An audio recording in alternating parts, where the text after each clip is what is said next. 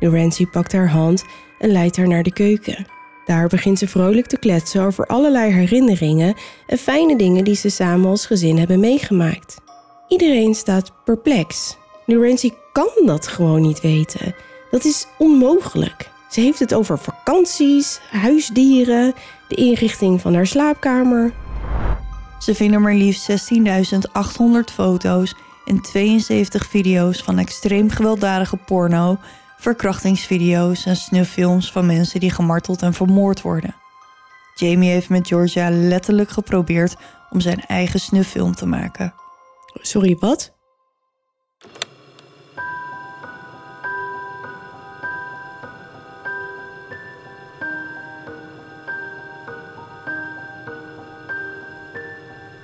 Dit is Duister.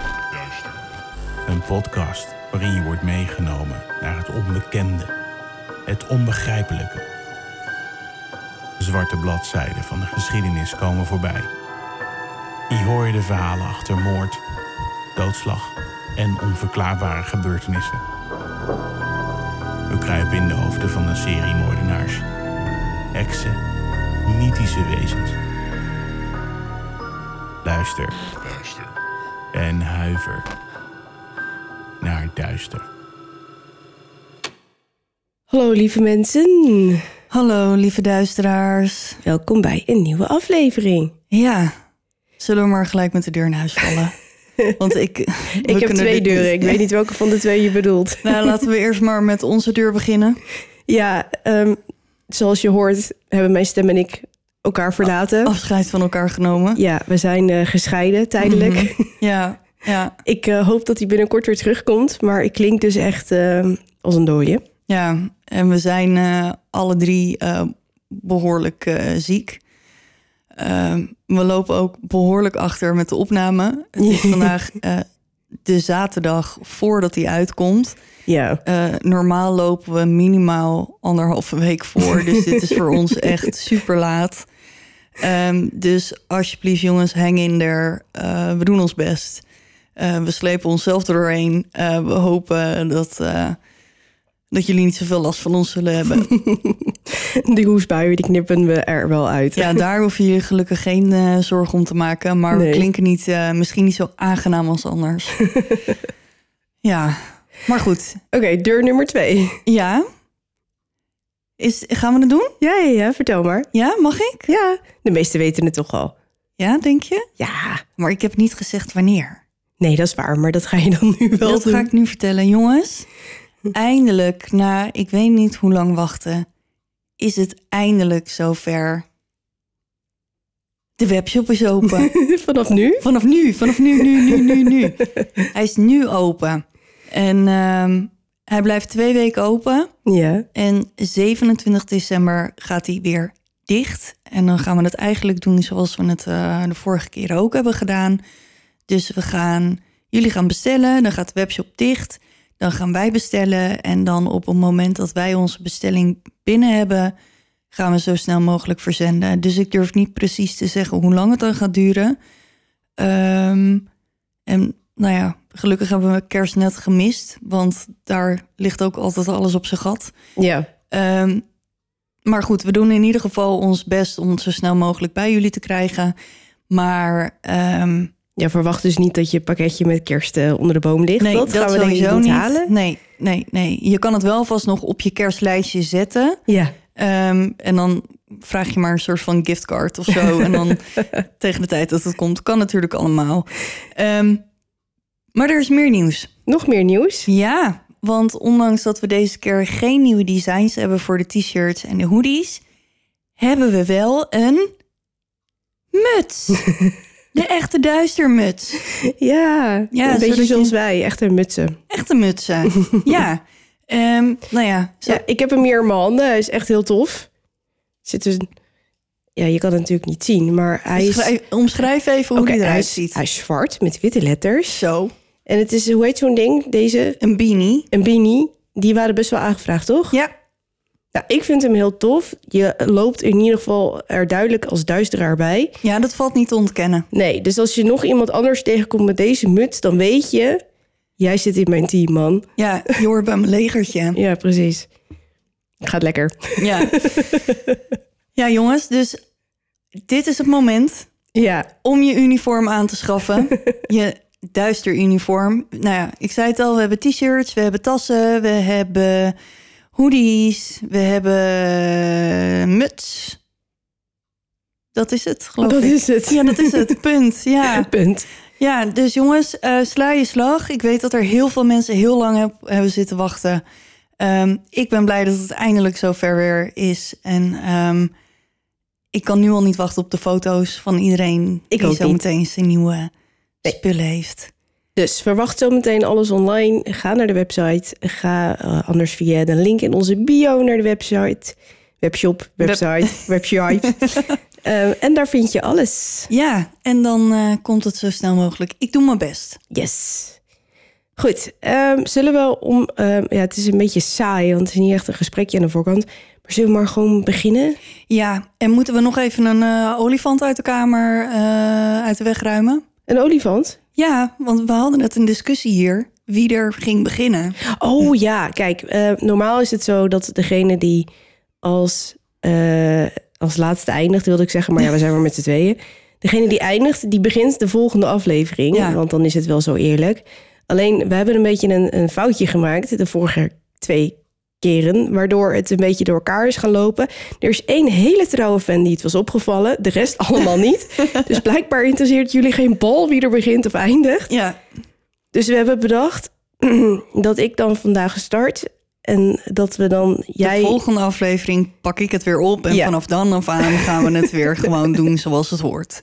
Precies. Ja, god, wat een ellende allemaal. Oh, en onze verhalen worden er ook waarschijnlijk niet beter op. Dus het is ehm, lekker in de kerstsfeer, jongens. Ja, nou goed. Ehm, ik ga gewoon beginnen. Ja, En dan zien we wel hoe ver we komen. ja succes man. Thanks.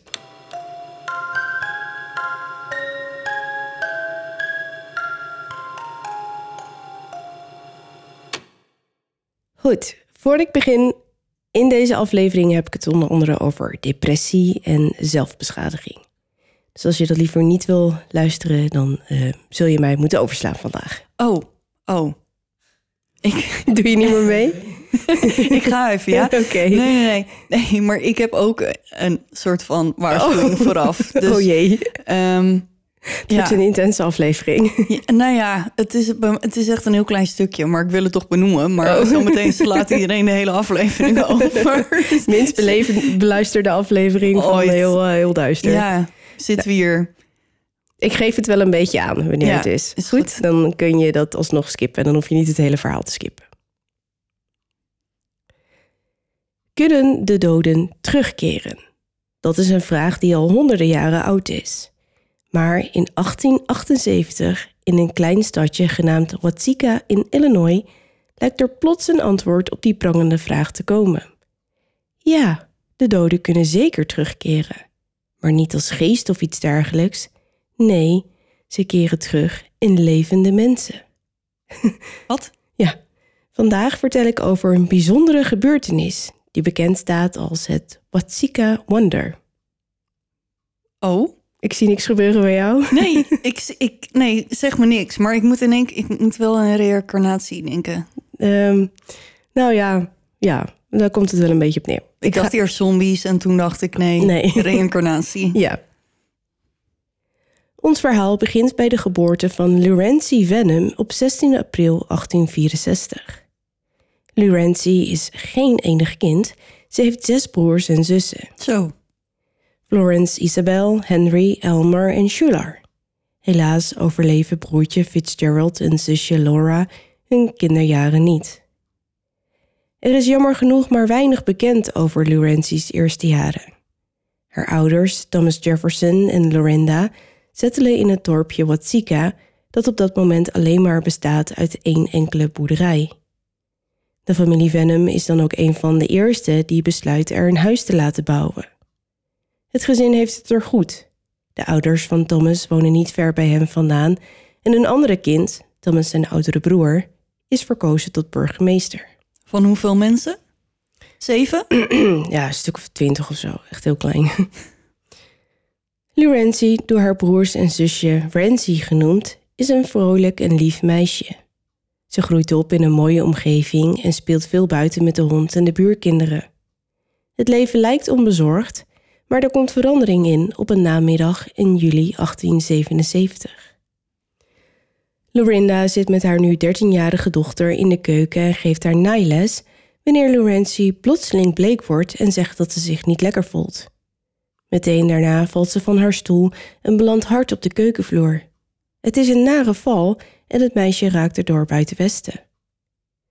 Ze komt niet bij en samen met Thomas brengt Lorinda haar dochter naar boven en legt haar in bed. Het begint al te schemeren wanneer Laurentie eindelijk wakker wordt en ze kan zich herinneren wat er is gebeurd. De dokter komt en onderzoekt haar, maar kan geen enkele oorzaak vinden. Geschrokken, maar enigszins gerustgesteld, wenst het gezin elkaar wel rusten. Die nacht wordt Laurentie verschillende keren wakker omdat ze telkens haar naam hoort. Iemand in de kamer roept haar, maar er is niemand. De kamer is buiten haar om, leeg. Bang kruipt ze bij haar ouders in bed en blijft daar tot de ochtend. De avond daarop herhaalt de situatie zich. Laurentie wordt wakker van iemand die haar naam roept. Het klinkt van zo dichtbij dat ze de adem van diegene op haar gezicht voelt. En het is niet één keer, het is de hele tijd. Weer ontvlucht het meisje haar kamer en eindigt bij haar ouders. Lorinda besluit dit keer met haar mee terug te gaan naar de slaapkamer en na een kleine inspectie stopt ze haar dochter terug in bed, wacht tot ze slaapt en gaat dan terug. De volgende dag verloopt niet veel beter. Aan het einde van de middag vraagt Lorinda haar dochter vast aan het avondeten te beginnen, als deze plots weer bleek wordt en op de vloer valt. Haar ledematen overstrekken zich en de rest van haar lichaam begint te schudden en te trillen. Lorinda knielt bij haar en wacht tot het stopt. Dat gebeurt niet en ineens begint Laurentie te spreken. Ze beschrijft vreemde gedaanten in de kamer. Het lijken haast wel geesten. Het zijn mensen, onbekende, maar ook bekende, zoals haar gestorven broertje. Lorinda kijkt verward om zich heen, maar ziet helemaal niemand. Laurentie blijft ondertussen maar praten. Ze is in de hemel, zegt ze. Het is er prachtig. Alle mensen stralen een soort witte gloed uit en het voelt allemaal zo fijn. Zelfs haar overleden zusje is er nu. Lorenda's zorgen beginnen nu serieuze vorm aan te nemen en ze is bang dat ze haar dochter gaat verliezen. Snel haalt ze Thomas en samen dragen ze het meisje naar bed.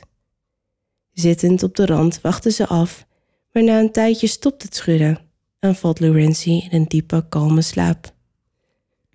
Weer komt de dokter en weer vindt hij niets. Eigenlijk is het een hele vreemde situatie. Thomas en Lorinda kunnen dan wel opgelucht ademhalen, maar toch wordt het er allemaal niet beter op.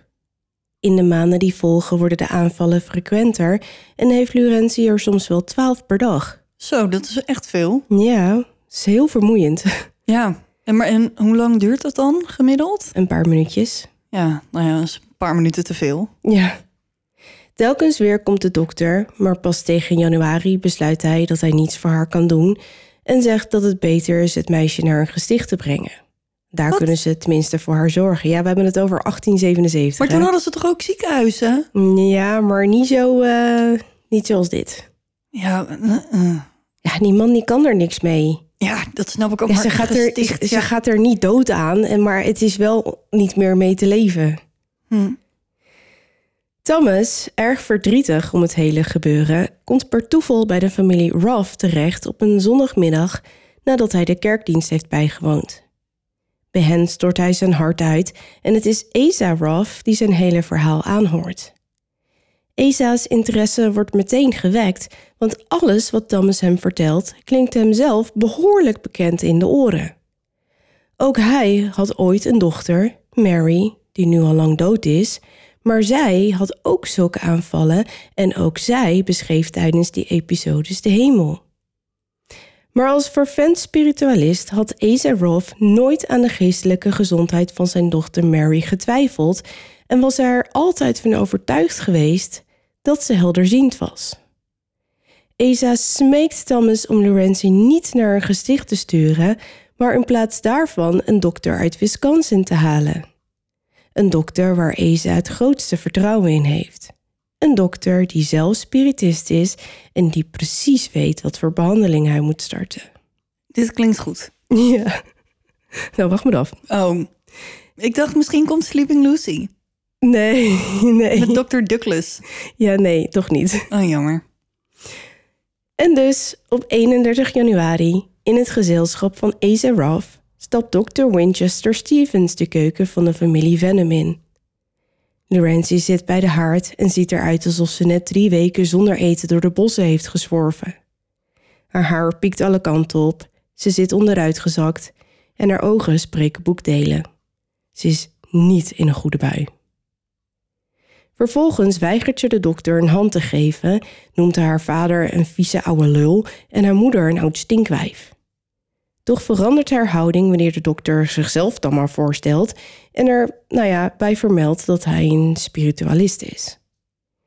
Lorenzi veert op, belooft hem iedere vraag te beantwoorden die hij haar zal stellen en zegt prompt dat ze helemaal geen Lorenzi heet, maar Katrina Hogan en dat ze zo'n drie dagen geleden via de lucht uit Duitsland hier is gekomen.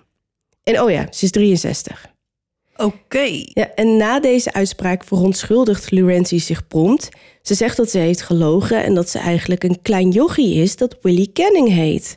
Hij is hier omdat hij is gestorven en het leuk vindt om hier te zijn. Dr. Stevens knikt begrijpend, knielt bij haar neer en probeert haar te magnetiseren. En als je de vorige aflevering hebt geluisterd, dan weet je dus wat hij er nu aan het doen, Doen is. Doen is. Ja, dat was de aflevering van eh, Sleeping Lucy. Ja, maar ondertussen gaat Lurenzi hier, Lucy Lurenzi, Mary. ja, gaat gewoon door met haar rare geklets. Het ene moment is ze in de hemel en is alles prachtig. Het volgende moment is ze weer een ander overleden persoon die via haar lichaam probeert te communiceren. De dokter begint in te zien wat er aan de hand lijkt te zijn. Blijkbaar is Lorenzi sinds de aanvallen een soort spreekbuis geworden voor de doden. Meteen maakt hij zich zorgen, want deze geesten lijken allemaal geen kwade bedoelingen te hebben. Maar stel nou dat het meisje net de verkeerde treft. Ja, er zal maar een demon in je trekken. Ja, dat moeten we niet hebben. Nee. En dus doet de dokter een voorstel. Lorenzi moet zich laten overnemen door een goede geest, één die de kwaadwillende weg kan houden. Het meisje kijkt hem voor het eerst echt in de ogen. Ze weet precies de juiste persoon voor die taak. Er is een goede geest in de buurt, een meisje. En ze heet Mary Roth. Asa Roth snakt naar adem wanneer hij de naam van zijn dochter hoort en barst spontaan in snikken uit. Dat is mijn Mary, roept hij met trillende stem. Geschokt kijkt hij naar het meisje voor hem, maar een reactie hoeft hij niet te verwachten. Lorenzi lijkt in slaap te zijn gevallen. Totaal verward verlaat Esa het huis en tilt Thomas zijn eigen kleine meid naar bed. Maar het zal niet lang duren voor de twee mannen elkaar weer zien, want de volgende dag staat Thomas alweer op de stoep bij de familie Ruff. Lorenzi vraagt naar hen, legt hij uit, de familie Ruff. Thomas en Lorinda zijn haar ouders niet. Ze kent die mensen niet, zegt ze, en het huis kent ze ook niet. Thomas vertelt dat hij en zijn vrouw de hele ochtend bezig zijn geweest met uitleggen wie ze zijn en in welk huis ze zich bevindt. Minerva, Esa's andere dochter, staat schuin achter de deur en hoort het hele verhaal. Ze besluit naar Lorenzi toe te gaan. Ze moet het met haar eigen ogen zien, wil ze het geloven. Esa's vrouw, Dorothy Roth, bang en gespannen, besluit met haar dochter mee te gaan. Lorenzi zit bij de haard naast het raam wanneer het viertal aankomt.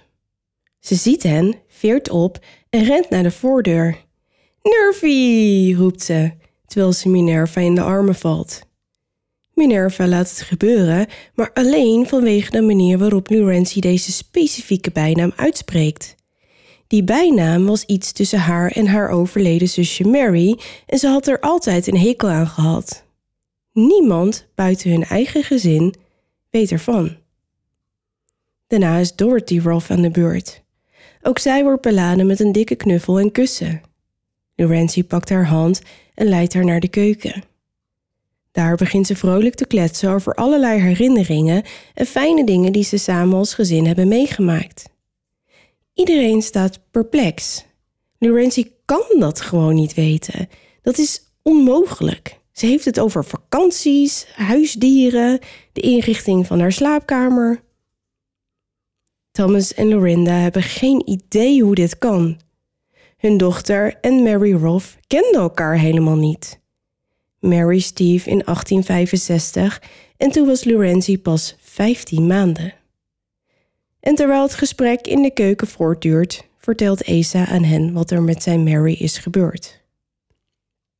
En hier komt het uh, stukje dat je misschien wil overslaan. Ja.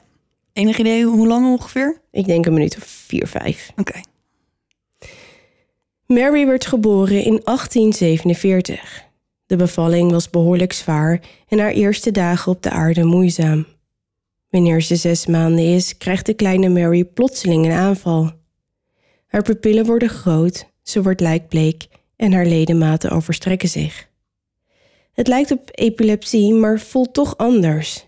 En ze is nog maar zo klein. Isa en Dorothy vrezen voor haar leven, maar na een dag of wat knapt Mary op en gaat het gezin weer verder. Helaas voor Mary blijkt haar jeugd gevuld met aanvallen. Soms zijn ze zeer regelmatig, soms blijven ze een tijdje weg, maar ze zijn er altijd. Omdat de doktoren niet goed weten wat ze mankeert en medicijnen tegen epilepsie, als dat het al is, nog erg in de kinderschoenen staan, probeert Mary verschillende technieken om zich beter te voelen. Tegen haar zware hoofdpijnen neemt ze ijsbaden. Tegen de aanvallen gebruikt ze aderlating. Aderlating is niet iets alleen maar uit de middeleeuwen. Ook in de 19e eeuw is het een bekende en veel voorkomende behandelmethode. De bedoeling van het weglaten vloeien van bloed uit het lichaam is om het aantal rode bloedcellen te verminderen. Het lichaam zal nieuw bloed aanmaken om het tekort aan te vullen, waardoor er in feite een soort zeer trage bloedtransfusie plaatsvindt. Maar dan met je eigen bloed. Ja, en dat zou kunnen helpen om ziekte te voorkomen of zelfs te genezen. En even een kleine zijstraat. In de oudheid geloofden de Grieken in zogenaamde humoren. En de humoren bevinden zich in het lichaam en bestaan uit sappen. Er zijn vier verschillende: bloed, slijm, gele gal en zwarte gal. Een tekort of een juist een overschot aan een van deze levenssappen kan het geestelijke of lichamelijke evenwicht in het lichaam verstoren, waardoor ziekten de kans krijgen om zich te ontwikkelen. De enige manier om die sappen dan in balans te houden is door middel van aderlating. Terug naar Mary, die datzelfde gebruikt tegen haar aanvallen. En ze doet dat via bloedzuigers. Ze plaatst de beestjes op haar slapen, zodat ze haar hoofdpijnen uit haar hersenen kunnen zuigen. Of het een placebo is, weten we niet, maar Mary voelt zich er daadwerkelijk beter door. Ze bezorgen haar een bepaalde tijd een enorm gevoel van opluchting. Het is daardoor dat ze erg op haar bloedzuigers gesteld raakt. Ze ziet ze op een gegeven moment zelfs als huisdieren. Wat is er? Dat zou wat voor mij zijn. Ja, ik weet het. Ik heb wel eens bloedzuigers gehad. Het lijkt me toch een beetje naar. Ja, maar hoe lang is het nou uit met Ruud? Zo. Zo, Dat laat het hem maar niet een horen. steek onder water was ja, dat. wel terecht. Ehm, goed, ja, Ja. dat is wel lang geleden. Nou, laten we geen ex in de mix halen. Nee, we hadden het over bloedzuigers. Ja. Ehm, We gaan door. ja, nee, ik wilde vertellen, want bij mij achter in de sloot wonen bloedzuigers. Oh. En ook in mijn vijver. Vroeger werd ik er altijd voor gewaarschuwd als ik ging zwemmen in een polder. Dan moest je toch altijd even checken of je niet Mhm. ergens een, eh, een Ja. bloedzuigertje had zitten. Ja. Maar goed, Maar ze worden nog steeds gebruikt. Volgens mij Ja, heb ik dat wel eens gezegd in een eh, aflevering. zeker. Je kan het medisch laten doen in het ziekenhuis. Ja. Ik begrijp dat het. eh, ik weet niet precies, dus correct me if I'm wrong. Maar ik, ik las iets met eh, kankerbehandelingen dat het daarbij kan helpen. ja, en volgens mij ook bij littekengenezing. Oh. Omdat ze zorgen voor een betere doorbloeding Van je huid. van je huid. Oh ja. Dus als je dan... Nou ja, in ieder Goed, geval. Jongens, eh, dit is echt eh, medische kennis uit de vijfde hand. Ja, eh, uh, neem nou niet al te serieus. Nee, ga nou niet, nu met een schepnetje naar de, naar de sloot achter je huis. Om nee, daar, zeker lijkt me een heel slecht idee. Ja. Maar ik weet in ieder geval, dat is een feit. Het wordt nog steeds gebruikt. Precies. Tijdens haar tienerjaren zakte Mary weg in een depressie. Ze vindt troost in haar piano, maar het enige wat haar ouders haar horen spelen is zware en donkere muziek. Ook de aanvallen veranderen. Ze lijken nu meer op een soort trance dan op een heftige lichamelijke reactie. Soms staart ze uren aaneen voor zich uit of praat ze met mensen in de kamer die er niet zijn.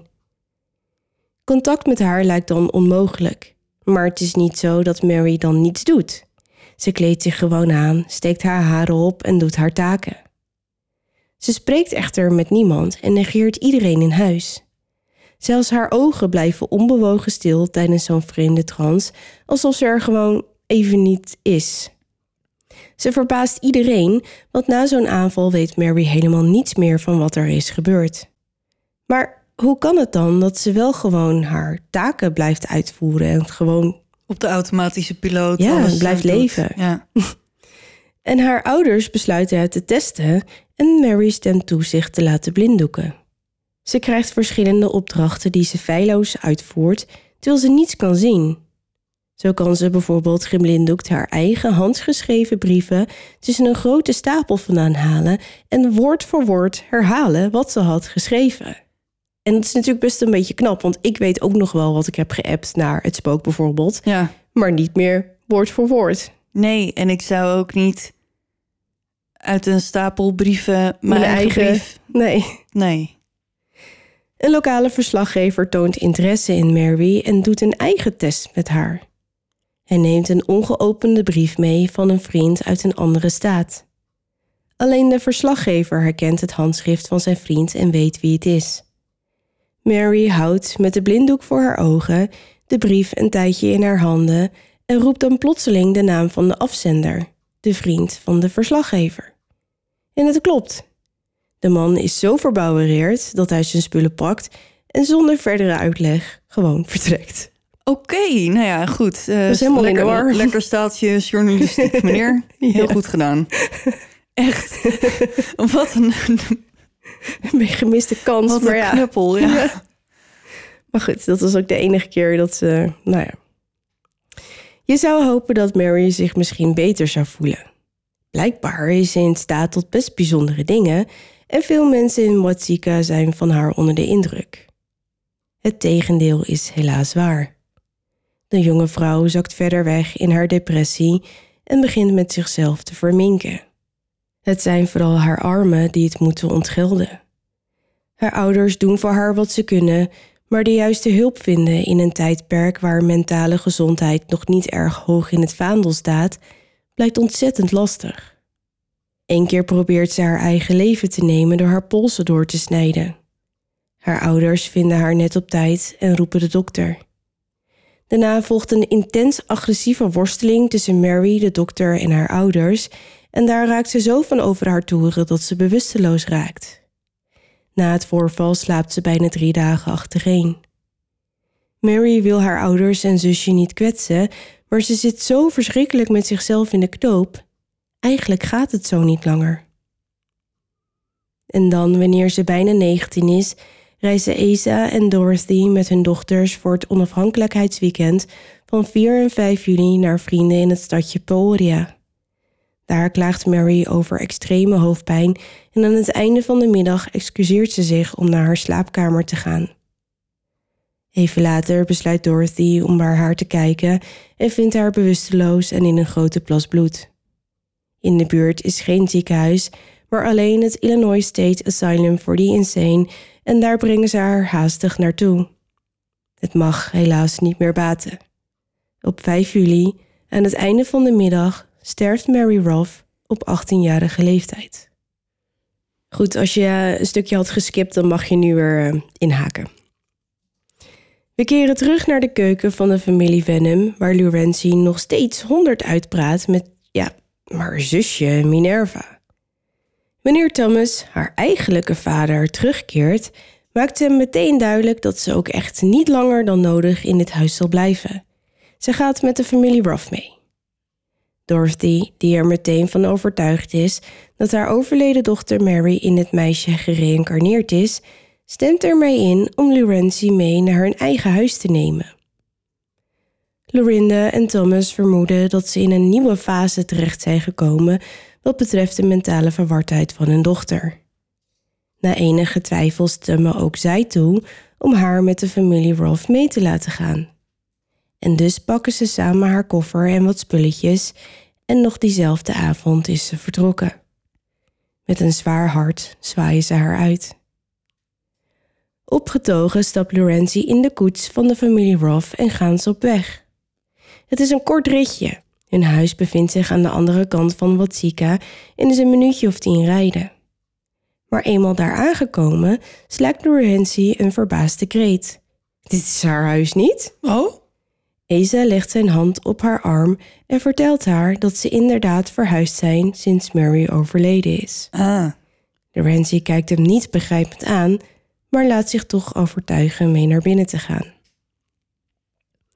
En daar zien ze al snel de opluchting op haar gezicht, want ze herkent meteen een aantal spullen.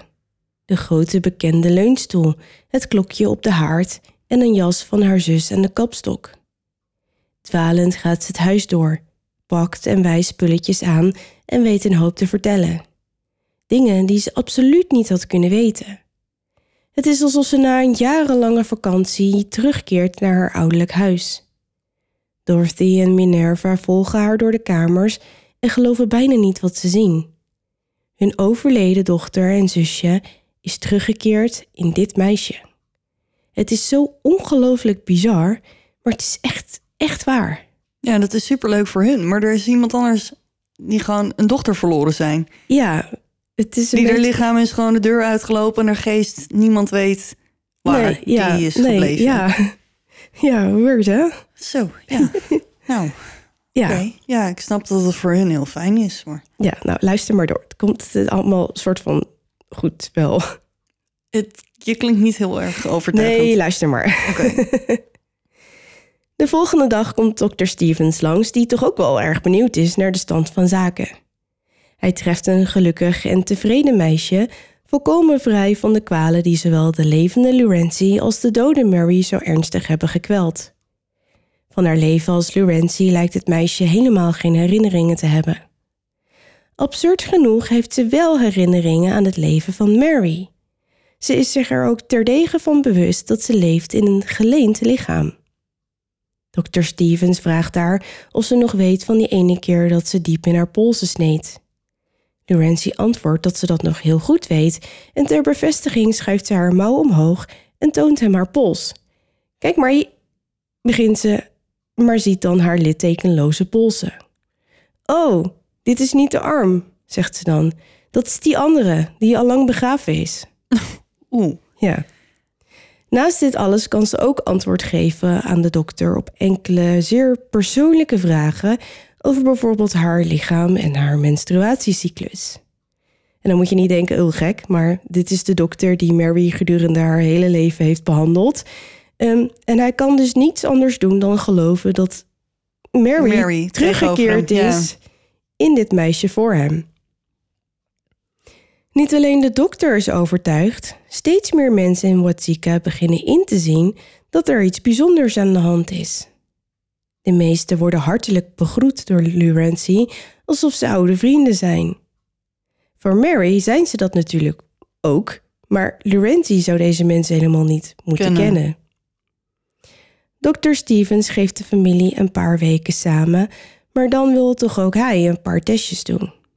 En door deze test raken hij en Esa eigenlijk alleen maar meer overtuigd dat ze werkelijk te maken hebben met de geest van Mary. Terwijl het meisje buiten aan het spelen is, stelt Esa voor om de fluwelen hoed naar beneden te brengen die hun dochter het laatste jaar van haar leven veel had gedragen. Hij plaatst de hoed op de kapstok ja hoor, Lorenzi herkent hem onmiddellijk. Met een glimlach van verrukking pakt ze de hoed op, vertelt over een incidentje waarbij de hoed betrokken was en vraagt dan: Heb je ook mijn brievendoos? Na even zoeken vinden ze de doos onder het bed van Minerva en terwijl ze er doorheen snuffelen herkent Lurenzi een kettingje en roept uit: Oh, kijk nou toch, moeder, hier is mijn gebroken kettingje. Weet je nog dat ik bleef hangen en dat hij toen brak? Moeder, waarom heb je mij niet eerder die brieven laten zien? Dorothy kan niets anders doen dan verbaasd haar schouders ophalen. Want ja, die weet het natuurlijk ook niet. Nee. Eén voor één pakt Laurentie de spulletjes uit de doos. Objecten die dateren uit Mary's jeugd, ver voordat Laurentie Venom überhaupt ter wereld kwam, maar toch weet het meisje tot in de details te vertellen over waar de spullen vandaan komen en wat ermee is gebeurd. Dr. Stevens, die zichzelf als een rationeel mens beschouwt, heeft geen idee wat het verloop van deze vreemde, maar uitzonderlijke situatie zal zijn en probeert de familie Rolf langzaamaan voor te bereiden op een eventueel einde. Maar daar wil de familie nog niets van weten. Laurentie is nu drie maanden bij hen en het is alsof Mary terug is. Maar dan een vreemd vrolijke Mary. Een die aan het leven niet zo zwaar tilt en geniet van de tijd die ze samen hebben. Gedurende die periode heeft ze het vaak over engelen. De engelen hebben haar gestuurd. Ze heeft een taak te verrichten. Maar wanneer dokter Stevens haar dan vraagt, ja, tot wanneer ze blijft, antwoordt Laurentie dat de engelen haar tot ergens in mei zullen laten blijven. En wat is haar taak? Ja, dat weten we niet zo goed. Oké.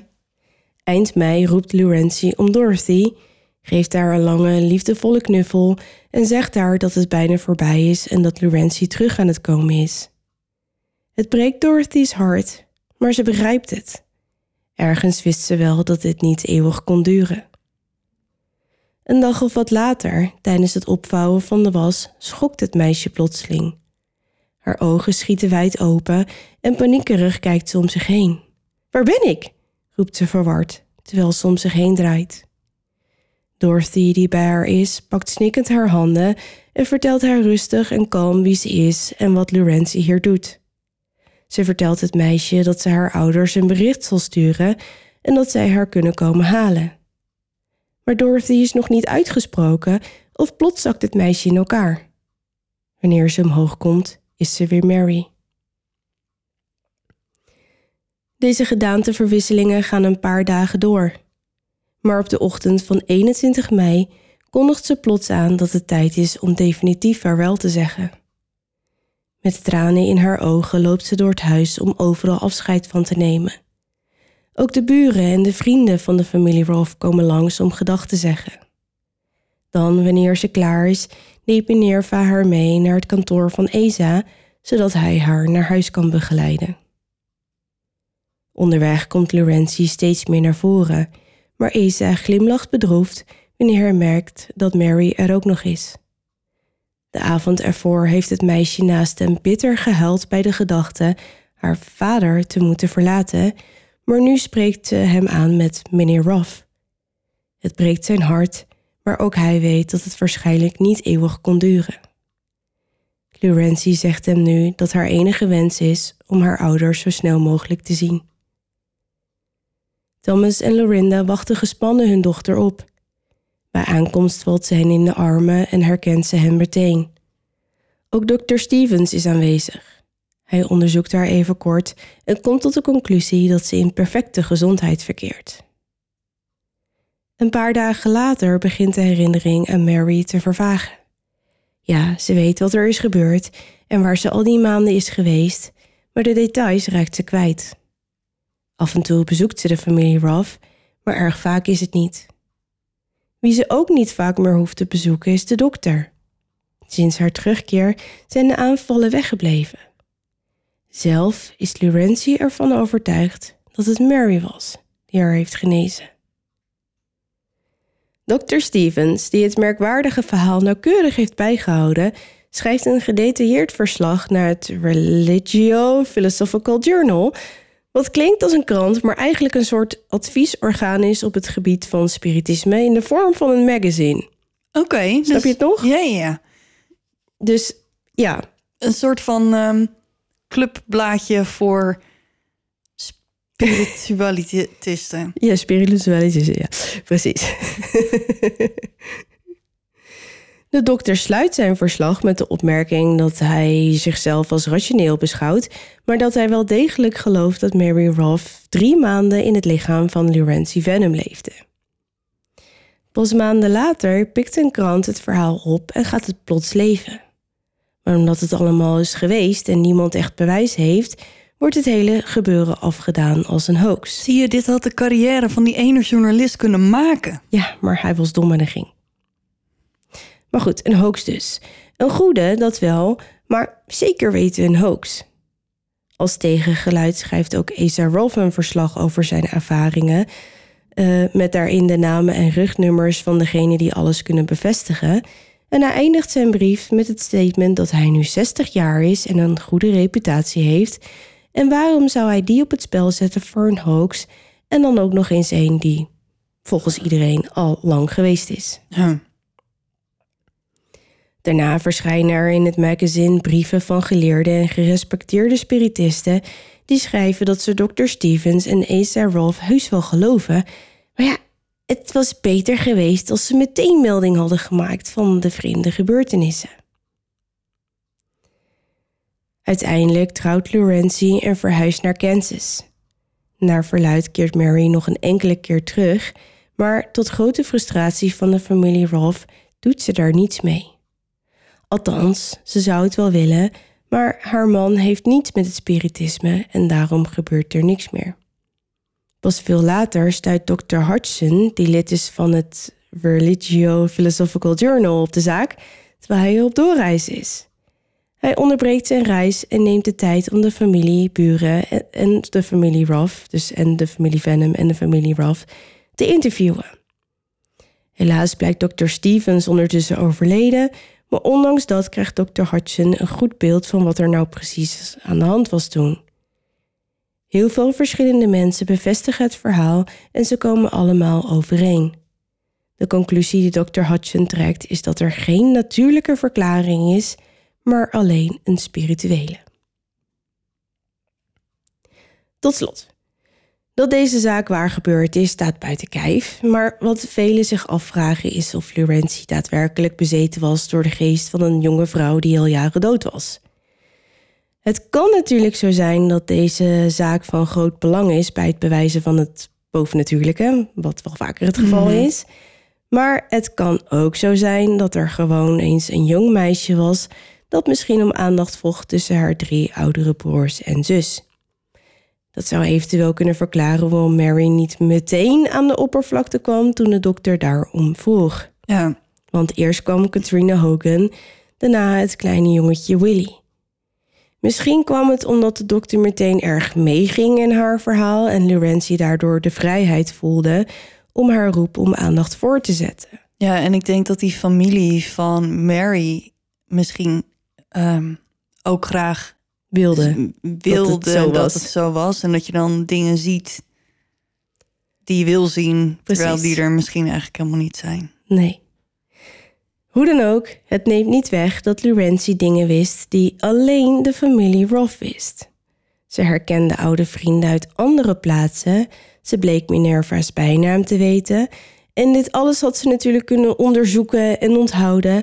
Maar dat is best een ingewikkelde taak voor een meisje van pas 13. En het is voor een meisje van pas 13 best moeilijk om drie maanden lang te acteren dat ze een ander persoon is. Ja, en die aanvallen. is natuurlijk ook gewoon. Ja, dat is niet iets wat je acteert, lijkt mij. Nee. En niet, ja, misschien als je een hele goede actrice bent. Ik, uh, maar nee, ik kan me niet voorstellen ik, nee, ik weet niet wat hier gebeurd is. Ik denk oprecht dat er wel iets raars gebeurd is, maar... Wat dan precies, dat uh, is een raadsel. Dat is inderdaad een raadsel. Ja. Maar het lijkt me heel, heel raar voor die ouders om dan... Ook al geloof je misschien in wat je wil geloven... Ja. maar dan nog heb je voor je gevoel drie maanden je, je overleven. Ja, dan kan je alles nog zeggen wat je had willen zeggen. En... Eigenlijk is het ergens wel mooi... Uh, Ondanks dat het heel vreemd is. Ja. Dus um, ja, ondanks dat Mary haar leven vol pijn en, en, en uh, nou ja, dat was. En haar ouders waarschijnlijk zich jarenlang zorgen om haar hebben gemaakt. Ja. Hebben ze op deze manier toch nog een soort van afscheid kunnen nemen. Op een hele bizarre manier. Ja, heel bizar. Maar ik ben wel blij dat uh, Lorenzi ook uiteindelijk gewoon weer terugkwam. Ja. En dat het niet een soort van omhulsel bleef voor Nee, andere mensen. nee. Nee, nee, ja. En daarna, is, dat zeg ik, Mary kwam nog een paar keer terug. Maar ja, haar, haar man eh, van Lorenzi, die wilde niks. Dus die geloofde er niet in. En nou ja, toen was het klaar. Hmm. En dat was het verhaal van Mary, Ruff en Lorenzi Venom. Nou, ik vond hem erg bijzonder. ja, Dankjewel, je hebt het goed gedaan. thanks. Ondanks alle ellende. nu jij nog. Ja.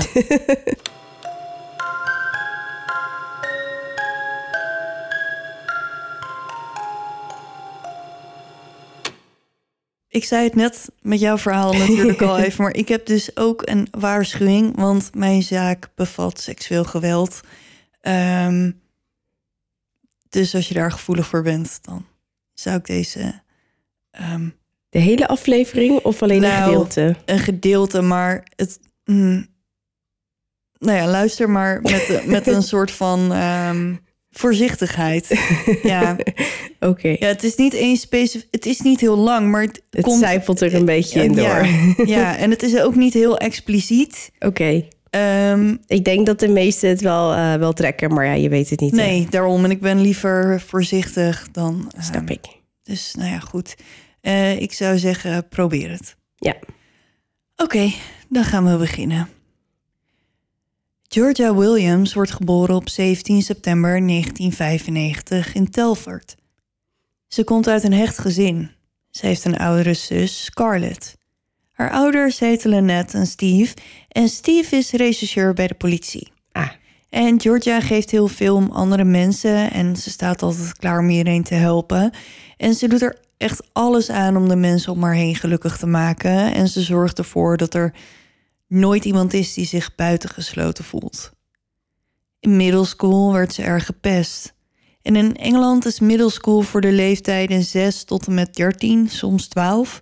En ehm, nou ja, daarna ga je dan naar de middelbare school. mhm. Ehm, en als Georgia naar de middelbare school gaat, verandert dat volledig. Ze maakt veel vrienden, is populair en geliefd en wordt zelfs headgirl. En een headgirl is een leerling die is uitgekozen om speciale taken uit te voeren en de school te vertegenwoordigen. Dus best bijzonder dus, als je daarvoor wordt uitgekozen. En in deze periode begint ze ook een opleiding tot luchtkadet. En dit is dus best wel cool. Het is een programma van de RAF, de Royal Air Force, voor middelbare scholieren waarin je allerlei skills leert. De basistraining bestaat bijvoorbeeld uit eh, de geschiedenis van het vliegen, kaartlezen, radiocommunicatie. Ehm, je kan ook nog verder leren en dan word je senior cadet. En dan leer je over eh, luchtvaartnavigatie, navigatie voor piloten, raketten, radio en radar, satelliet- en datacommunicatie en nog veel meer. En dat kunnen allemaal verschillende levels kan je dat doen. Wat tof. Ja, dus het dat had ik wel soort- willen doen. Ja, lijkt me echt heel cool. Ja, mij ook. Ik weet eigenlijk niet of we dat hier hebben. Eh, dan moet je bij Defensie, denk ik. Ja. Ja. Ja, De luchtmacht. ja maar goed, eh, Georgia wil graag paramedicus worden bij de RAF. Dus dit is echt helemaal perfect. Ehm, want zo kan ze al een beetje Een opstapje. een opstapje.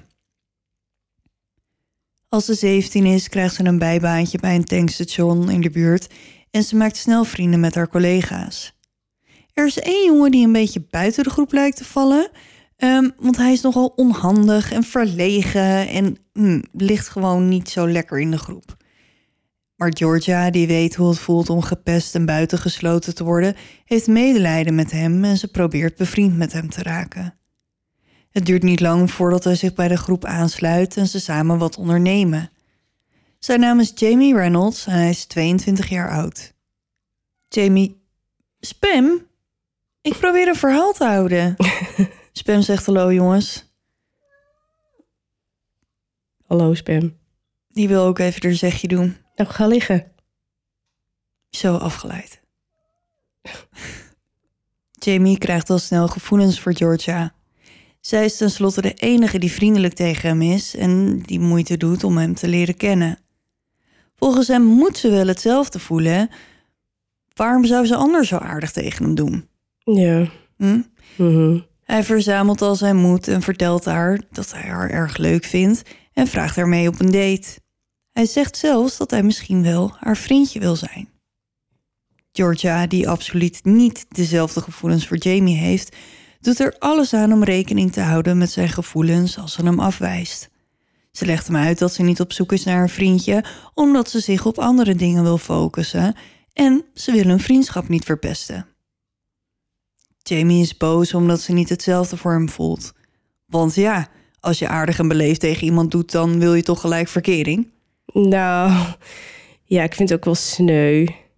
Ik, eh, Ja, als je zo eenzaam bent en zo'n populaire ik. chick die toont zoveel aandacht en dan worden ook nog eens je gevoelens niet beantwoord. Dus ik snap, misschien reageert hij uit teleurstelling of zo. ja, maar het is wel gewoon... Ja, het is super kut als je afgewezen wordt. Ehm, maar aan de andere kant, als je het gelijk interpreteert...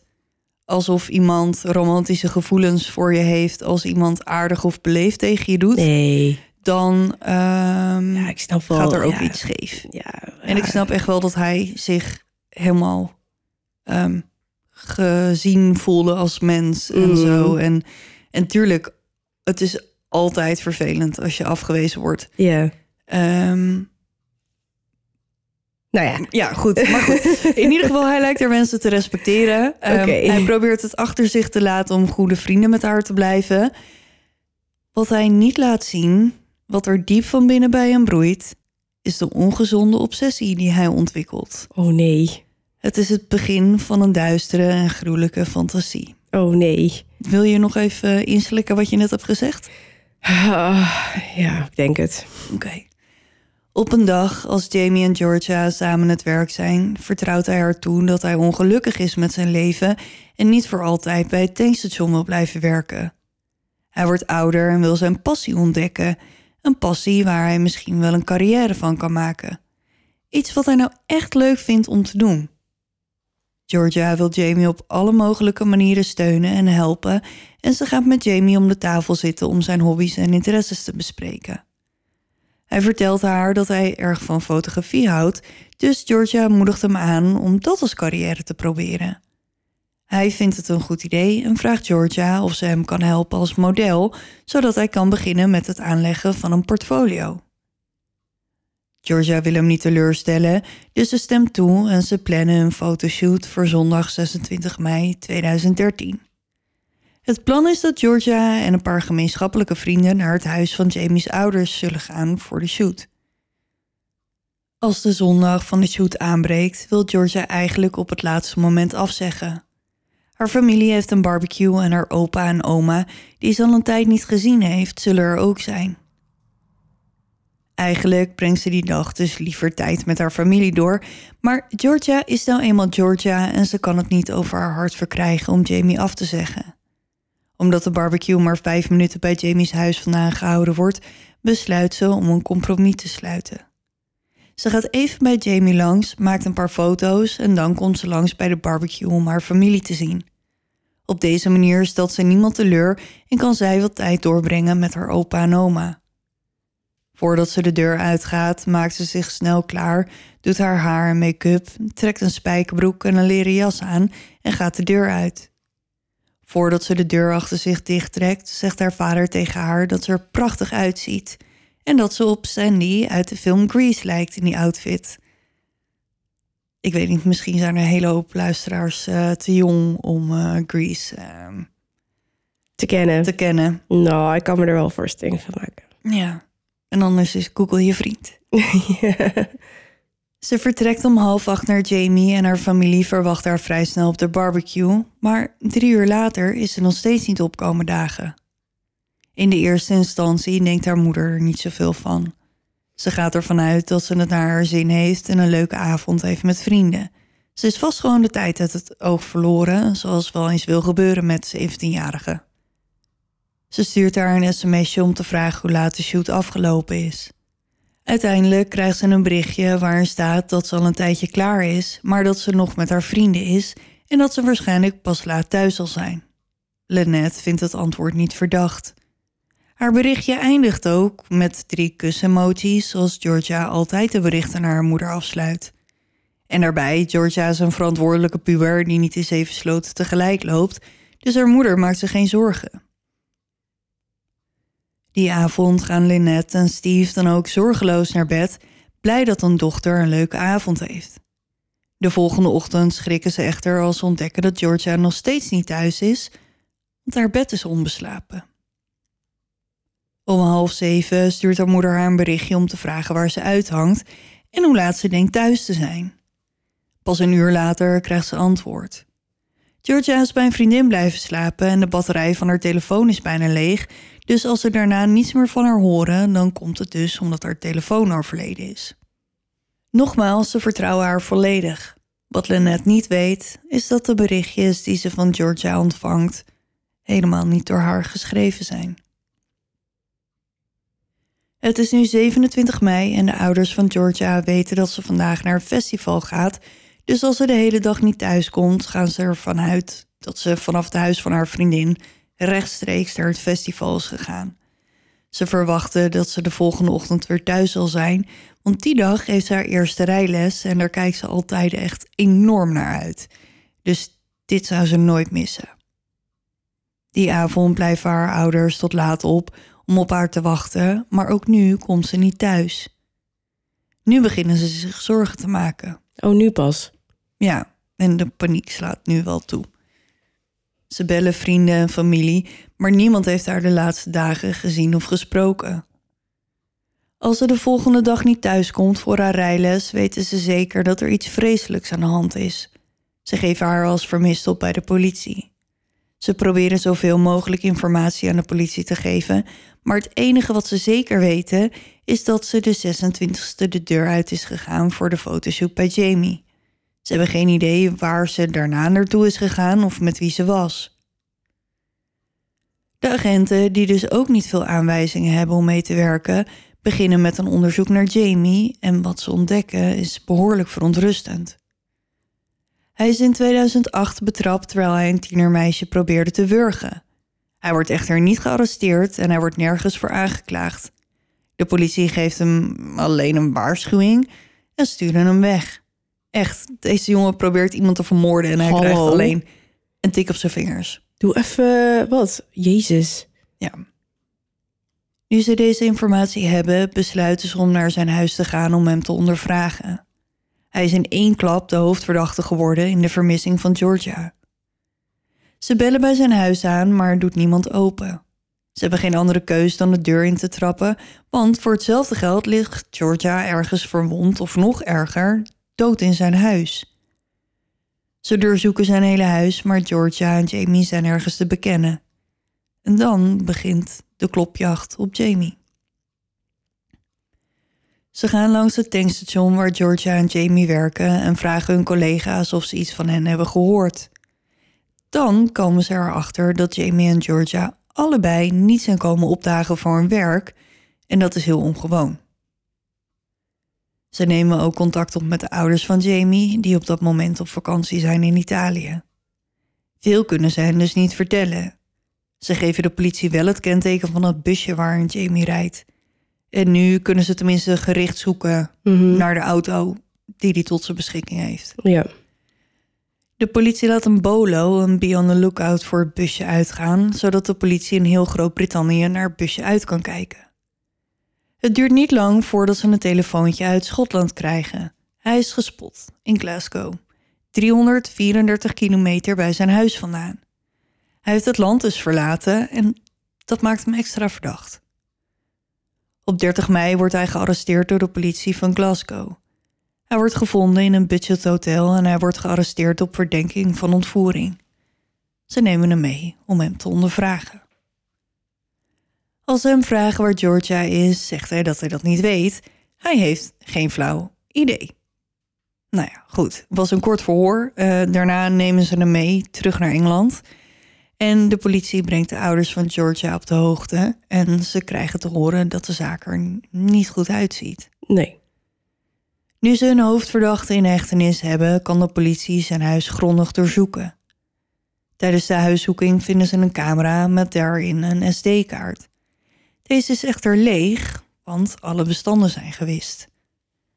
Ze nemen de camera en de SD-kaart mee naar het bureau, want ze zijn natuurlijk niet helemaal gek en niet voor één gat te vangen. Ehm, en ze hebben natuurlijk niet altijd mazzel, maar experts gaan ermee aan de slag en proberen de bestanden te herstellen. En het lukt ze, maar als ze de beelden bekijken, dan wensen ze waarschijnlijk dat het ze nooit gelukt was. Wat ze zien is gruwelijk en angstaanjagend. Het enige lichtpuntje is dat ze nu precies weten wat er met Georgia gebeurd is en wie er verantwoordelijk is. Ze hebben foto's ontdekt die op 26 mei van Georgia gemaakt zijn. De eerste foto's zijn normaal van het begin van de fotoshoot. Dit bevestigt dat ze die dag dus bij Jamie is geweest. In de eerste instantie lijkt ze gelukkig, meegaand en volledig gekleed. Ze heeft geen flauw idee wat er gaat gebeuren. Waarschijnlijk heeft ze het pas in de gaten gehad op een moment dat het te laat was. Hoe meer foto's de rechercheurs bekijken, hoe verontrustender en duisterder ze worden. De volgende beelden laten een verwarde Georgia zien die naakt op een rode plastic doos staat. Haar handen lijken op haar rug gebonden te zijn en er hangt een touw om haar nek die aan het plafond bevestigd lijkt te zijn. Nadat hij de doos weggeschopt heeft, filmt Jamie haar laatste momenten terwijl ze naar adem hapt, totdat haar lichaam slap en levenloos wordt. Hij maakt haar los en heeft seks met haar lichaam in verschillende kamers van het huis, waaronder op het bed van zijn ouders. Alsof dat nog niet erg genoeg is, neemt Jamie vervolgens honderden foto's van haar in allerlei posities. Hij verwijdert haar sieraden en bewaart ze als trofeeën. De politie gaat door met de huiszoeking. Ze vinden maar liefst 16.800 foto's en 72 video's van extreem gewelddadige porno, verkrachtingsvideo's en snufffilms van mensen die gemarteld en vermoord worden. Jamie heeft met Georgia letterlijk geprobeerd om zijn eigen snufffilm te maken. Sorry, wat? Ik ga het je vertellen. Ehm, voor wie het niet weet, volgens Wikipedia is een snufffilm een film met daarin als climax een echte moord waarbij specifiek de handeling die het leven van het slachtoffer beëindigt bedoeld is om te voldoen aan de behoeften van de potentiële kijkers van de opname. Dus dat kan marteling op allerlei manieren zijn en het eindigt altijd in de dood. Een echte dood. En dit bestaat? Ja, helaas. Oké. Ja, en Jamie geeft later toe dat hij ehm, opgewonden raakt van wurging. Jamie's ouders komen eerder terug van hun vakantie zodat ze met de politie kunnen praten. Ze vertellen hen dat hij al sinds zijn veertiende naar dit soort extreem gewelddadige porno kijkt. Het is mogelijk dat hij al eerder begon met kijken, maar op zijn veertiende hebben ze hem betrapt. 14? Ja, omdat ze hem zijn laptop niet konden afpakken omdat hij die nodig had voor school, namen ze contact op met een internetprovider en laten hen de toegang tot al deze sites blokkeren. Op zijn veertiende belt hij echter zelf de internetprovider, sluit zijn eigen abonnement af en betaalt voor zijn eigen wifi, zodat hij zonder dat zijn ouders het weten de websites kan blijven bezoeken. Mijn hemel. Ja, 14? 14. En dan hebben ze hem betrapt, hè? Dus wie weet hoe lang dat al gaande was daarvoor. Dat is echt nog heel jong. Ja, is echt heel jong. Wow. Ja, tuurlijk. Eh, tegenwoordig kan je het overal vinden. En als je tegenwoordig als 14-jarige op een pornofilmpje stuit, eh, is nog tot daar aan toe. Maar dit is wel echt hele andere koek dan Nou, ja, platte porno. Eh, Ja, nou precies wat je zegt. Het, het zal heus wel een keer... en misschien dat je uit schaamte wegklikt. Maar ja, Ja, en misschien kijk je wel omdat je nieuwsgierig bent. Maar als en dat je... mag ook gewoon, Ja. ja. denk ik. Eh, maar dit is wel heel andere, heel ander kaliber, zeg maar. Ja, en dan wordt het. En ik kan me ook nog voorstellen dat je dan niet weet waar je naar zit te kijken. Als je voor het eerst zoiets ziet. En dat je een soort van geïntrigeerd bent door wat er in godesnaam gebeurt. En een soort van morbide nieuwsgierigheid. Kan ik me ook nog voorstellen. Naar, naar, naar zo'n snufffilm. Ja, je? of, Of of, gewoon geweld- of gewoon porno? gewelddadige porno. Of, ehm, of zo'n snufffilm. Want in principe weet je ook niet Dat het gaat gebeuren. Dat het gaat gebeuren, En denk ik. Ik weet is? het niet. Ik heb het nooit gezien, dus ik weet niet Ik hoef of het het... niet te zien hoor. Ik ook niet. Maar ik, kan me, ik weet dus niet of er zeg maar staat snuffilm. Ehm, de dood van Jantje. Dus dat je weet dat je naar een snuffilm gaat zitten kijken... of dat je gewoon op een filmpje klikt... en ineens wordt er iemand gemarteld en er gaat iemand dood... en Ik dat je dan het niet wel- Ik weet. vind het echt heel heftig. Ja, Maar is dat dan... eh, maar is dat dan... Wow. Is het dan moord of stemmen mensen daar t- nee, toe dat is in? vaak of, wel moord hoor. Wat he- Jezus. Ja. En het is ook een beetje een dark web dingetje. Nou, Ja. Ehm, ik weet even niet wat ik moet zeggen. Ik vind het echt best wel heftig. Ja, is het ook. Maar goed, zijn ouders ehm, maken zich op een moment dat ze hem betrappen grote zorgen. Ehm, en terecht natuurlijk. En ze nemen contact op met politie en jeugdzorg.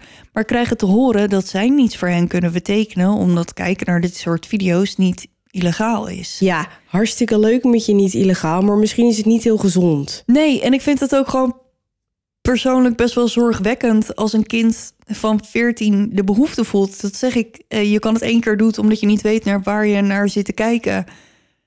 Maar als je zo ver moet gaan dat je ouders alles moeten blokkeren omdat je maar blijft kijken, dan gaat er ergens iets mis. Nou, ik vind het vooral zorgwekkend dat, dat, dat, dat instanties hier niets aan willen doen omdat het niet illegaal is. Het zou verdomme wel illegaal moeten zijn ten eerste. En ten tweede, het, ah, die jongen die gaat een bepaalde grens over en dat is gewoon niet oké. Nee. Nee. Nee, is ook zo. Maar ja, goed, ik snap ook wel... en ik weet niet hoe het zit met eh, het feit dat het de zaakjes niet illegaal is. Want het maken van die films is natuurlijk illegaal en het downloaden. Maar nou goed, ehm, in ieder geval waarschijnlijk net zoals dat ze hem lieten gaan... toen hij dat meisje probeerde te wurgen, gewoon tik op zijn vingers... was misschien wel illegaal, maar Mhm. boeit me gewoon echt geen ene reet. Zoiets. Ik weet het niet. Ehm, ik kan me namelijk niet voorstellen dat, weet je, als je zulke soort films verspreidt, dat het dat moet sowieso illegaal zijn. Maar ik heb daar te weinig verstand van om. Dus of het nou niet legaal was, maar Ah, weet ja, je, ja, het ja. boeit ze gewoon. Nee, Ja, superleuk dat je Te kind- weinig. Ja, dat je kind er naar kijkt, maar wij kunnen er niks mee. nee, we hebben wel wat beters te doen of zo. Jezus, Ja. wat een armoe. Ja. Tijdens de rest van de huiszoeking vindt de politie notitieboeken met 40 verschillende verhalen die Jamie heeft geschreven over het martelen, verkrachten en vermoorden van vrouwen. Hij heeft ook social media afgestruind, eh, foto's van jonge meisjes afgedrukt en vervolgens touwen om hun nek getekend. Ze vinden ook een verhaal dat hij specifiek over Georgia heeft geschreven, getiteld Georgia Williams in Surprise. Dit verhaal beschrijft precies wat er met Georgia is gebeurd en de politie gelooft dat dit verhaal al vanaf het begin het plan was op het moment dat ze plannen maakten voor de fotoshoot. Hij schrijft dit verhaal uit om het werkelijkheid te laten worden. Hij begint met schrijven in januari en slechts drie weken voor hij Georgia vermoordt rondt hij het verhaal af. Jamie weigert de politie te vertellen waar het lichaam van Georgia verborgen heeft en blijft volhouden dat hij onschuldig is. Omdat hij weigert te vertellen waar haar lichaam is, proberen ze Jamie's stappen te traceren vanaf die maandagochtend, de dag nadat hij Georgia heeft vermoord. Ze beginnen bij een tankstation waar op camerabeelden te zien is dat hij zijn auto vol tankt. Op dat moment ligt het lichaam van Georgia achterin het busje. Nadat hij getankt heeft, rijdt hij bijna 100 kilometer naar een bioscoop. Hij laat het lichaam van Georgia achter, gaat de bioscoop binnen en gaat naar de film. Oké, koelbloedig. Ja, maar het lijkt wel alsof hij een beetje een soort van er nu toch meeneemt op een date. Een soort van verwrongen Jeez. van nou, hè, dan kunnen we toch nog samen naar de film of zo. heel, heel twisted, is dat. Ja. Helaas verliezen ze hem uit het oog als hij bij de bioscoop wegrijdt.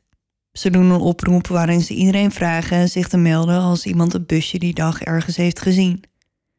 En ze hebben mazzel, want het werkt. Er komen mensen naar voren met informatie. Ze hebben een busje gezien op de Nantigard bergpas in de buurt van Wrexham. Het gebied is bezaaid met bossen en het was op het moment erg modderig.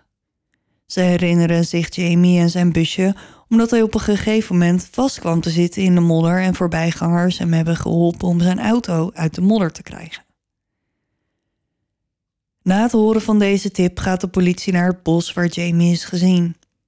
Na een zoektocht vinden ze Georgia's naakte lichaam. Ze wordt geborgen en teruggebracht naar huis.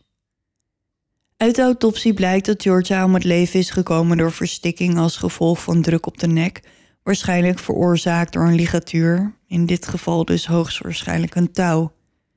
Verder onderzoek wijst uit dat ze blauwe plekken op haar rug heeft, wat erop wijst dat Jamie haar neergedrukt heeft gehouden met zijn knie, uh, terwijl hij druk uitoefent op haar nek. Dus het is een beetje alsof zij op haar buik ligt, hij met zijn gewicht op haar rug en de touw naar zich Toetrekt. toetrekt. Ja, ja. Ondertussen blijft hij stug volhouden dat hij er niets mee te maken heeft. Hij is onschuldig, hij heeft niets gedaan. Op de allereerste dag van de rechtszaak in december 2013 verandert hij van gedachten en besluit schuldig te pleiten voor alles waarvoor hij wordt aangeklaagd. Tijdens de rechtszaak komen er meer details aan het licht. Zo blijkt dat Jamie in 2008 onder de aandacht van de politie is gekomen toen hij, wat de rechter een laatste waarschuwing noemt, krijgt nadat hij een ander 17-jarig meisje in zijn huis heeft opgesloten. In 2011 wordt er opnieuw aangifte tegen hem gedaan, dit keer nadat hij met zijn auto achteruit inreed op de auto van een meisje die zijn avances had afgeslagen. Er worden appjes voorgelezen die Jamie en Georgia naar elkaar gestuurd hebben. In een daarvan uit Jamie zijn romantische gevoelens voor Georgia. In februari stuurt ze hem een berichtje met het volgende: Ik zie je niet op die manier. Stop ermee. Ik wil onze vriendschap niet verpesten. Ik heb je vorige keer al gezegd dat ik gewoon vrienden wil zijn. Als Georgia ermee instemt om model te staan voor de fotoshoot, bereidt Jamie zich voor. Hij koopt touw en leert hoe hij een strop moet knopen. Daarna oefent hij hoe hij hem vast moet maken aan wat de openbaar aanklager, meneer Crickman, beschrijft als een ophangmechanisme. Deze heeft hij aan het luik naar de zolder vastgemaakt, boven de overloop. Hij koopt ook een leren jack, een korte leren broek en hoge hakken voor Georgia om te dragen tijdens de shoot. Hij stuurt haar voor de shoot een berichtje waarin hij haar vertelt wat voor foto's hij wil maken. Hij wil het doen lijken alsof ze opgehangen wordt, maar ze staat wel op een doos en die photoshopt hij dan later wel weg. Ehm, en op dit berichtje heeft ze nooit gereageerd. Joh. Volgens meneer Quickman kijkt Jamie als Georgia onderweg is naar zijn huis naar extreme porno om zichzelf te stimuleren. Aan het eind van de rechtszaak noemt de rechter Jamie seksueel afwijkend en verklaart dat hij gelooft dat hij de potentie heeft om een gevaarlijke seriemoordenaar te worden. Hij is de 46ste persoon die levenslang krijgt en de jongste in de geschiedenis. De rechter, Justice Wilkie, zegt het volgende. Georgia zou niet onmiddellijk gestorven zijn, maar zou zowel geestelijk als lichamelijk vreselijk geleden hebben, wetende dat ze verraden was door iemand die ze vertrouwde en in wiens macht ze zichzelf had gegeven.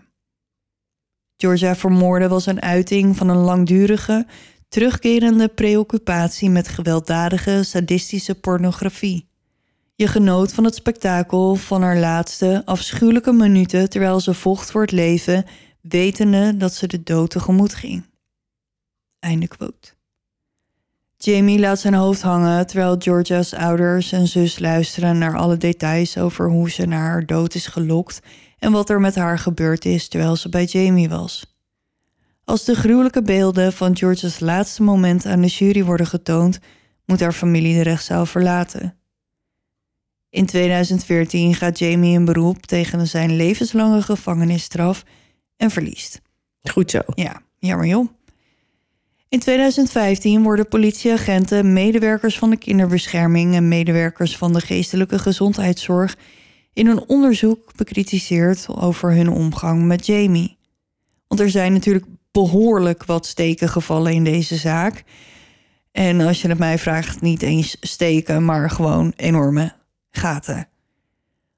Volgens het rapport hebben de instanties niet samengewerkt toen Jamie vijf jaar voor de moord eh, had geprobeerd een ander meisje te wurgen nadat hij haar bij hem thuis had uitgenodigd.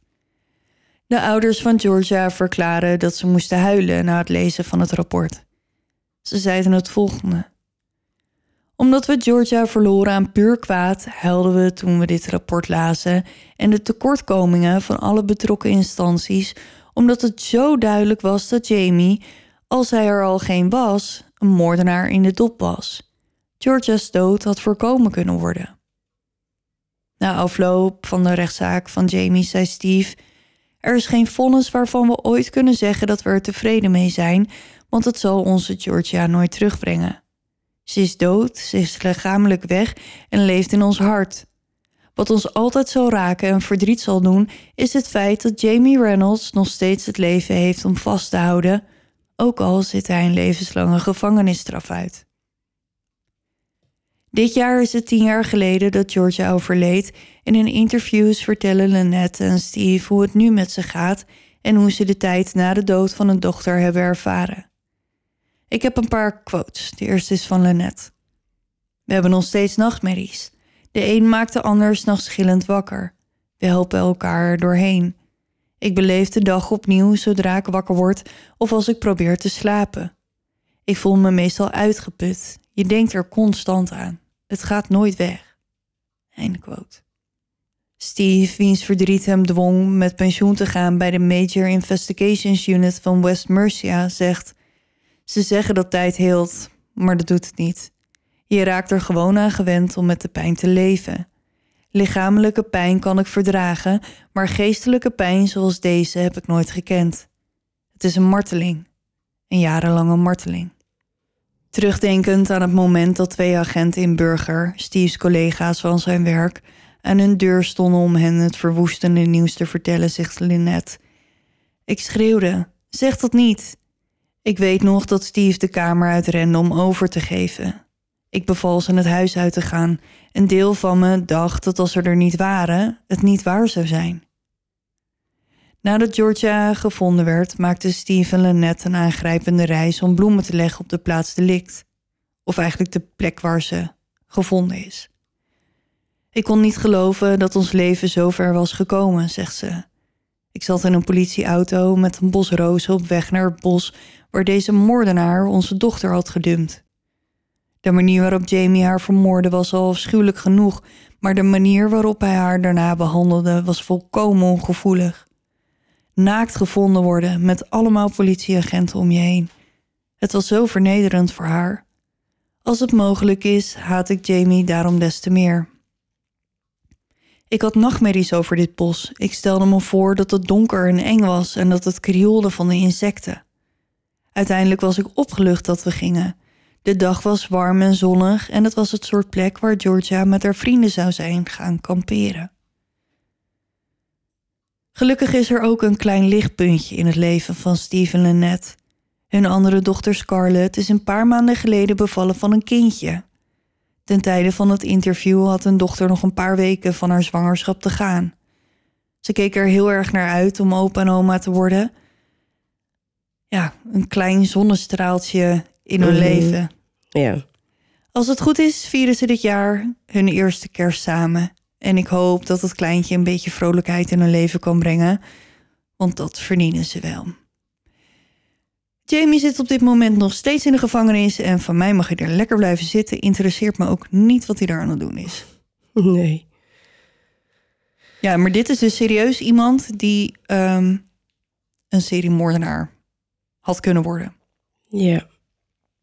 Ik wil ook niet per se bashen op de instanties, want ik ben heel blij dat ze er zijn. Maar mijn hemel, wat hebben ze hier eh, gefaald, zeg. Ja, en het is ook altijd zo lastig, want soms is het ook...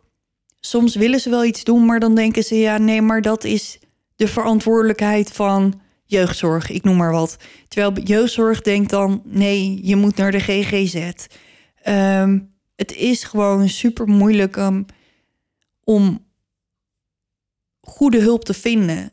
En ze zijn natuurlijk ook allemaal gebonden aan regels... en soms willen ze wel, maar kunnen ze niet... Ja, maar als in iemand, dit als, geval- een, als een jonge gast een meisje probeert te wurgen, dan Ja, moet je er tuurlijk. wat mee. Ja, daar ben ik het helemaal mee eens. Ehm, maar ja, En het kut is, hoe minder geld er beschikbaar is, hoe meer je van dit soort dingen krijgt. Want iedereen is overwerkt en dan... Het is gewoon één groot drama. Ja, dat is het wel, ja. En ehm, ja, het is echt heel erg dat dit... Weet je, en Georgia, weet je, dat is dan zo'n meisje die zo haar best doet om, weet je, hem erbij te betrekken. Omdat ze niet wil dat er iemand is die buitengesloten wordt of zich vervelend voelt of geïsoleerd. En dan moet je dat, op deze manier moet je dat dan bekopen. Nou, ik weet niet, op de een of andere manier leek, eh, lijkt hij me nu achteraf toch niet zo'n eenzaam, sneu jongetje ik die denk dat- gepest wordt en, en er heel graag bij wil horen. Hij was gewoon sowieso al twisted. Ik denk dat hij gewoon heel creepy was en dat iedereen dacht... Deze gast moet je maar beter met rust laten. Ja, eh, maar aan de andere kant doe je dan ook weer Georgia tekort. Want dan, Alsof zij heel naïef was. ja, Ja. Nou, misschien heeft Maar ja, hij gewoon, de schijn, schone schijn opgehouden bij haar. dat zou kunnen. Ik weet het niet, man. Ik, eh. Ja, eh, hmm. Iedereen zit hier gewoon een beetje voor zich uit te staren Ja. in, in de verte. Ehm, ja, goed jongens, dat was mijn verhaal. Ja. Ehm, de webshop is open, dat is wel leuk. God, oh, god, oh, god. Het is bijna kerst. Ja, het is inderdaad bijna kerst. Mijn favoriete feestdag. maar niet heus. Maar die niet van mij wel. Wel die van jou. Ik heb de boom nog niet eens staan. niet? Nee. Oh, die van mij die staat al sinds eind oktober. I know. Nee, maar goed, maar eh, iedereen is ziek. Dus Oh ja. niet alleen hier, maar bij mij thuis ook iedereen Mhm. ziek. Ehm, hij staat op het balkon. Dus hij is al wel al- in, in, in, eh, inpandig Ja, bijna. Hij, hij staat er al bijna anderhalve week, denk ik. Ehm, ja, dus dat... eh, nee, maar goed, de webshop is open. Ja, dus eh, eh, we krijgen veel- vaak de vraag... Mag ik jullie supporten? Hebben jullie een eh, petje af, vriend van de show of iets dergelijks? Patreon, fooiepot. Nee, hebben we niet. Maar wil je ons financieel een beetje een steuntje in de rug geven? Bestel en dan laten wat. zien dat je bij een heel exclusief... het allertofste clubje van Nederland hoort. Ja, nou ja, dan kun je dat doen door middel van eh, een bestelling in de Een webshop. bestelling, ja. Daar zouden we heel blij van worden. Goed, ehm, laten we voor vandaag eh, afsluiten. Ja, Ehm, het is laat. Onze stemmen die beginnen wel echt af te ik takelen moet nu. zeggen... ik vind dat we het er niet heel slecht afgebracht hebben. Nee, ik ook niet. Ik denk dat het spook niet heel veel gehoest en geproest. Eh, ik had het erger verwacht, laat Ik ik, het zo zeggen. Kijk, dat, we, dat het nergens naar klinkt, oké, daar kunnen Sorry. we... Daar kan het spook niks aan doen, dat is echt aan ons. Maar eh, qua hoesten, ik heb één keer geniest. Gen- genozen.